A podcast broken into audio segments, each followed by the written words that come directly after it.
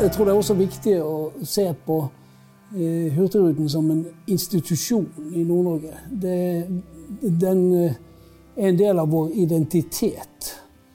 Kanskje mindre i dag enn for noen eh, tiår siden, men, men, stadig er den viktig. Og eh, i forhold til reiseliv, som er, er vårt eh, perspektiv her, så ble den jo egentlig enda viktigere i 2006, hvor man da begynte å satse på vinterturisme. Eh, det var et strategisk valg som ikke bare hadde betydning for Hurtigruten, eh, men også for eh, reiselivsnæringen i land.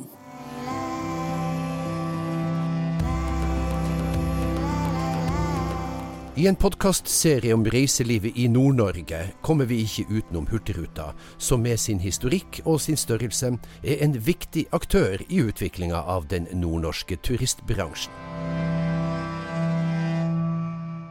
I, vi kommer sikkert inn på Hurtigruten i veldig mange sammenhenger. Og, og, ja, jeg skriver om Hurtigruten i en helt annen sammenheng, som dreier seg om uh, uh, hvordan man tar altså, reiselivsbedrifter tar samfunnsansvar. Som jo er et mer og mer eh, påtrengende anliggende. Altså, også bedrifter skal, må ta ansvar for det, det de gjør i, i, det samfunnet de opptrer i. Og eh, det er et eksempel på noe. Jeg vil jo si det sånn at ja, det er klart at Hurtigruten er dynamisk, eh, turismen er dynamisk, og forskningen er dynamisk. så hele tiden vil jo dukke opp nye problemstillinger og nye ting som vi griper fatt i. Ja. Altså, jeg tror nok at når det gjelder Hurtigruten, så er det en utømmelig mengde eh, mulige problemstillinger som eh, kan forskes på. Så det er jeg helt sikker på. Vi, det er jo en, som jeg sa, det er en, det er en institusjon som vi mer eller mindre identifiserer oss med her i Nord-Norge. Og eh, som det da er viktig å også forske på. Og mer forskning skal det bli, men eh, først skal vi ta noen skritt tilbake. Du lytter til podkasten Reis og ryk, hvor Institutt for reiseliv og nordlige studier ved UiT, Norges arktiske universitet, presenterer forskning og diskuterer problemstillinger knytta til nordnorsk reiseliv. I denne episoden handler det, som du sikkert har skjønt, om Hurtigruta, hvor vi i tillegg til å ha snakka med professor Viken, også tok en prat med Anne Marit Bjørnflaten, som er kommunikasjonsdirektør i det tradisjonsrike rederiet. Du, Jeg har faktisk lyst til å begynne med historien fordi at vi har 125-årsjubileum i år. Det er 125 år siden første hurtigruteskipet starta eh, sin, sin, faste seiling da fra Trondheim til Hammerfest, og så ble det jo etter hvert utvida til hele ruta. Det mange ikke vet, det er at Richard Witt han var jo en sann pioner. Han etablerte Hurtigruta, starta med DS Vesterålen i 1893. Han etablerte også faste seilinger til Spitsbergen i 1896. Så eh, Hurtigruta har faktisk seilt i arktiske farvann også i nesten 125 år. Og det som er visjonen vår for fremtida, er jo egentlig å gjøre det som har vært forretningsmodellen vår hele tida. Kombinere reiseliv, lokaltrafikk, godsbefraktning i arktiske områder. Og så har vi etter hvert utvida reiselivsdelen til Antarktis. Og også til en del varme destinasjoner. Så i, i 2018 så skal vi faktisk seile til over 200 destinasjoner mellom fra Antarktis i sør til, til Arktis i, i, nord. Vi skal krysse Nordvestpassasjen i 2019 for første gang. Vi har eh, seilinger til Amazonas, vi har seiling i Karibien. Eh, så vi kommer jo selvfølgelig til å satse mer på Explorer-delen. Men til grunn så ligger den samme businessmodellen, forretningsmodellen som i 1893. En kombinasjon av reiseliv, lokaltrafikk og gods. En engasjert Bjørnflaten om Hurtigrutas historie og fremtidsplaner i korte trekk. Men selv om forretningsmodellen i dag er den samme som før, så har selskapet endra seg betydelig gjennom de siste 20 årene. Dette har påvirka og skapt ringvirkninger i landsdelen, og eh, det kan forskninga til professor Viken og hans kollega fortelle noe om. Ja, eh, jeg tror det er viktig å presisere at Hurtigruten driver med to eh, operasjoner. Det ene er den Hurtigruten langs norskekysten, som vi kjenner siden 1890-tallet. Og så er det cruiseoperasjonene som foregår i, i Arktis og Antarktis, og, som er en helt annen virksomhet. Og når, når, vi har sett på Hurtigruten fra et forskningsståsted, så har vi så langt ikke sett mye på denne cruisevirksomheten. Vår, eh, våre studier dreier seg om Hurtigruten i tradisjonell forstand. Eh, og der har vi gjort eh, flere studier. Eh, og en av de er uh, knytta til denne nye strategien fra 2006 og utover med å uh, uh, satse på vinterturisme og satse på nye besøkspunkter langs kysten. der valgte vi å gå i land i Kjøllefjord og se hva Hurtigruten hadde hatt å si der. Og Det var en ganske interessant studie. for Den viser at, uh, for det første at Hurtigruten snakket med folk, gikk inn i dialog med folk lokalt i, i, i, forsøk på å utvikle noe som på et sted de ikke hadde uh, før. Uh, det var bare et anløp på ti minutter.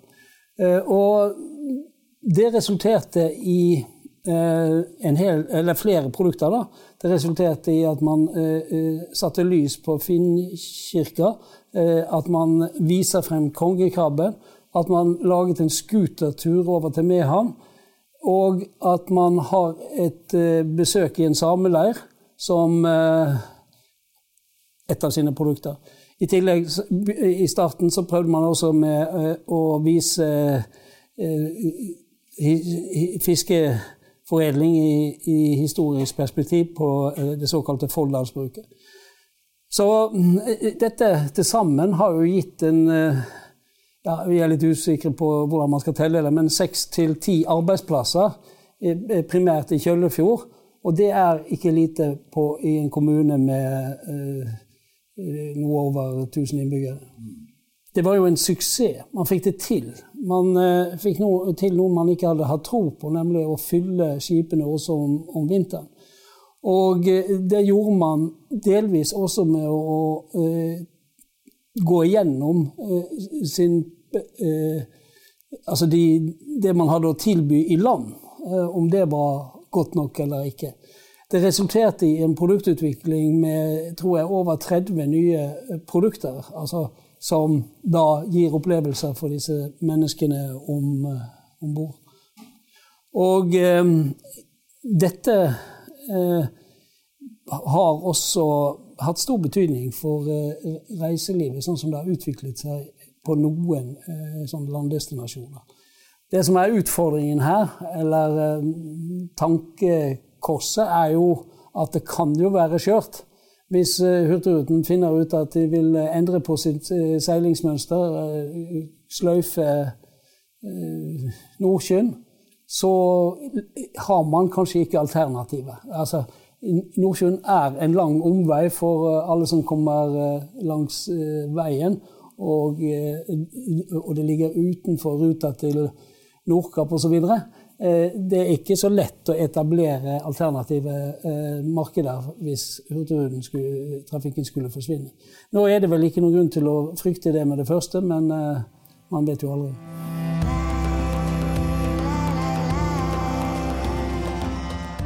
Vi har også gjort en eh, studie på opplevelsesproduksjonen om bord eh, på Hurtigruten. Det er jo mange som skal eh, håndteres. Og når det gjelder f.eks. logistikken om bord, så er jo den veldig bra. Alt fungerer, det er godt organisert osv. Så sånn vårt inntrykk er, og det inntrykk vi har fått gjennom å snakke med turister. da. Men eh, når det gjelder opplevelsene som produseres, eh, så kan man jo stille en del spørsmålstegn. Eh, de opplevelsene er veldig sånn orientert mot at man skal få en opplevelse i øyeblikket. Det er liksom det lille turistkicket man eh, prøver å gi. Og eh, det har jo sine begrensninger, og kanskje også eh, kan det være litt problematisk å håndtere.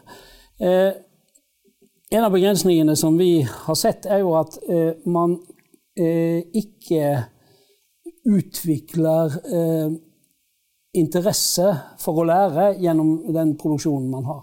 Eh, det er eh, altså Man lærer ikke så mye. Man får ikke så mye kunnskap gjennom de opplevelsene som eh, man produserer. Det henger jo sammen med at den underbyggingen fra formidlere kanskje har stått litt tilbake å ønske. Nå er dette et felt hvor uh, Hurtigruten tror jeg jobber ganske mye for tiden. Sånn at våre to års gamle undersøkelser vil sikkert kunne eh, sies å være for gamle. Men iallfall de observasjonene vi har gjort faktisk over ganske lang tid på dette feltet, er at man er for å si det sånn, lite flink til å motivere for å søke mer kunnskap om det man eh, ser og, og opplever. Og eh, her er det jo et større potensial. Altså, og her er det også et potensial for å skape gjenbesøk. Som altså vi kanskje eh, tror at Hurtigruten ikke er seg nok bevisst på, kanskje. Um, og, men det har jo med at, å gjøre at disse mange menneskene man skal produsere for uh, samtidig, Altså Produksjonen er hva vi kaller for skriptet, altså man følger en oppskrift. Og eh, det er standardisert, og det er egentlig eh, en form for masseturisme. Og masseturismen er ikke kjent for å, eh, for å være den beste kunnskapsutvikleren, for å si det slik. Og det er egentlig et, et dilemma i turismen, at jo mer man produserer for de mange, jo mindre kunnskap og kanskje dårligere opplevelser er det man tilbyr. Men det er, det er jo ikke så lett å løse. og Vi hevder ikke at Hurtigruten er verre enn andre i så måte, men det er et eh, problem også som vi har sett om bord, ved at turister f.eks. når de har hatt eh, nordlysopplevelsen, så er de vanskelig å tilfredsstille i neste omgang, for man har på en måte ikke så mye å tilby da. Og man tilbyr f.eks. i liten grad eh, kunnskap omkring nordlyset, nordlysforskningen osv. Eh, før, både før og etter eh, opplevelsene. Iallfall slik det var når vi observerte det for eh, to-tre år tilbake. Og jeg tror jo at de, man i Hurtigruten innser at man må skjerpe dette eh, eh formidlingsprogrammet sitt. Og min erfaring ved å nylig ha tatt Hurtigruten eh, et godt stykke, var jo at det var også forbedret. Det var faktisk en god formidler som fortalte både om det samiske og om eh, Tromsø som by.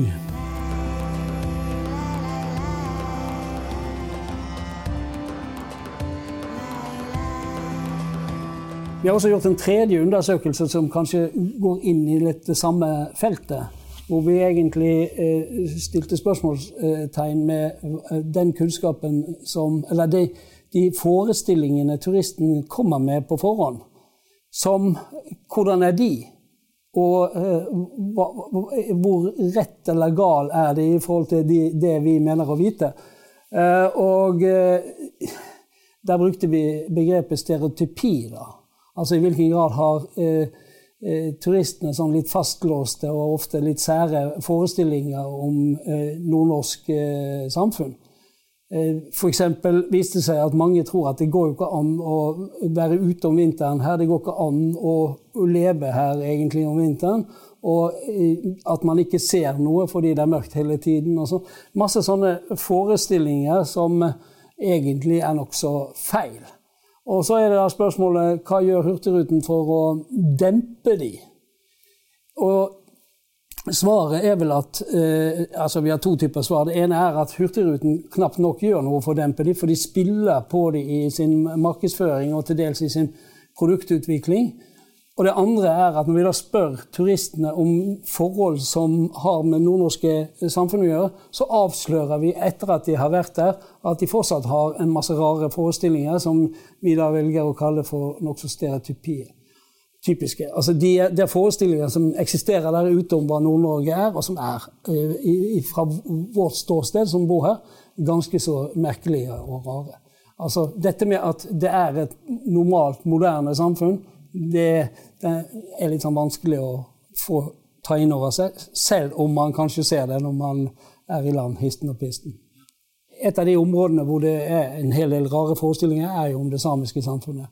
Og eh, det er jo et samfunn som har vært håndtert eh, for, som et annerledes samfunn eh, gjennom flere hundre år, og som nok har lidd under det i en del sammenhenger. Det er ikke noen grunn til å fortsette den greia der. Eh, nå påstår jeg at Hurtigruten gjør det, men de gjør ikke så mye for å avlive en del myter heller når det gjelder det feltet. der. Så, så dette med, å, med etterrettelig informasjon og det med å uh, få vekk vrangforestillinger som på en eller annen måte kan virke uheldige for de det gjelder, det syns jeg også uh, er en del av reiselivsnæringens ansvar. Altså, jeg har vært eh, to ganger på polare cruise eh, for å ta fra mine egne turisterfaringer. Den ene gangen var jeg om bord eh, i Hurtigruten, og de hadde med to-tre mennesker som kunne holde foredrag. Eh, det ble holdt eh, Altså, den ene, eh, som var en, en herre med lang fartstid på Svalbard, og som kan Nansen og Amundsen opp og ned, holdt eh, to, kanskje, to foredrag, og så var det en par eh, foredrag på tysk. Var, eh, vi var vel der ca. en uke, og det var skrekkelig lite. Jeg var rundt Svalbard med en hollandsk båt for en par år siden. Det var fem-seks mennesker, og kanskje mer, med doktorgrad i forskjellige fag eh, om bord. Og de fungerte som guider, og de holdt forelesninger. Og de holdt forelesninger på veldig høyt faglig nivå det, altså det var, eh, hvis det var førstedivisjon, så er eh, bare Hurtigruten min opplevelse av Hurtigruten av en båt i femte eller sjette divisjon. Det er viktig for oss å understreke at vi snakka med kommunikasjonsdirektør Anne Marit Bjørnflaten først, og at hun ikke har fått anledning til å høre på og kommentere de konklusjonene professor Viken her presenterer fra sin forskning. Intensjonene med denne podkastserien er å presentere forskning, ikke å debattere den. Vi håper likevel at vi ved en passende anledning kan la næring møte forskning, for å utveksle kunnskap og erfaringer, og formidle dette gjennom en ny episode av Reis og ryk. Men vi lar Bjørnflaten avslutte med sin beskrivelse av Hurtigruta sitt opplegg for å bidra til økt kunnskap for sine gjester som er på opplevelsestur. Og så er det jo eh, viktig å, å gi gjestene, turistene som besøker denne delen av regionen, kunnskap om regionen. Gi dem en opplevelse av mer enn bare det indre livet på et cruiseskip. Eh, men gi dem kunnskap om, om dyreliv, om hvordan det er å leve så langt nord. Om påvirkninger fra klima og fra miljøendringer. Når vi seiler eh, langs Grønland, så bruker vi lokale grønlandske guider. Fordi at det gir en helt annen opplevelse for våre gjester. Det å faktisk treffe folk som har vokst opp i de grønlandske samfunnene, som ved siden av å være guide livnærer seg på fangst og fiske. Eh, du kommer mye tettere på lokalsamfunnet, men det gir også mye mer igjen til lokalsamfunnene når du benytter deg av, av lokale ressurser. Det gir en helt annen form for ringvirkninger. Ehm, derfor har vi i tillegg til å bygge nye skip som vil redusere CO2-utslipp og fuelforbruk med 20% bl.a. et veldig stort fokus på å gjøre gjestene våre til ambassadører for områdene de seiler i.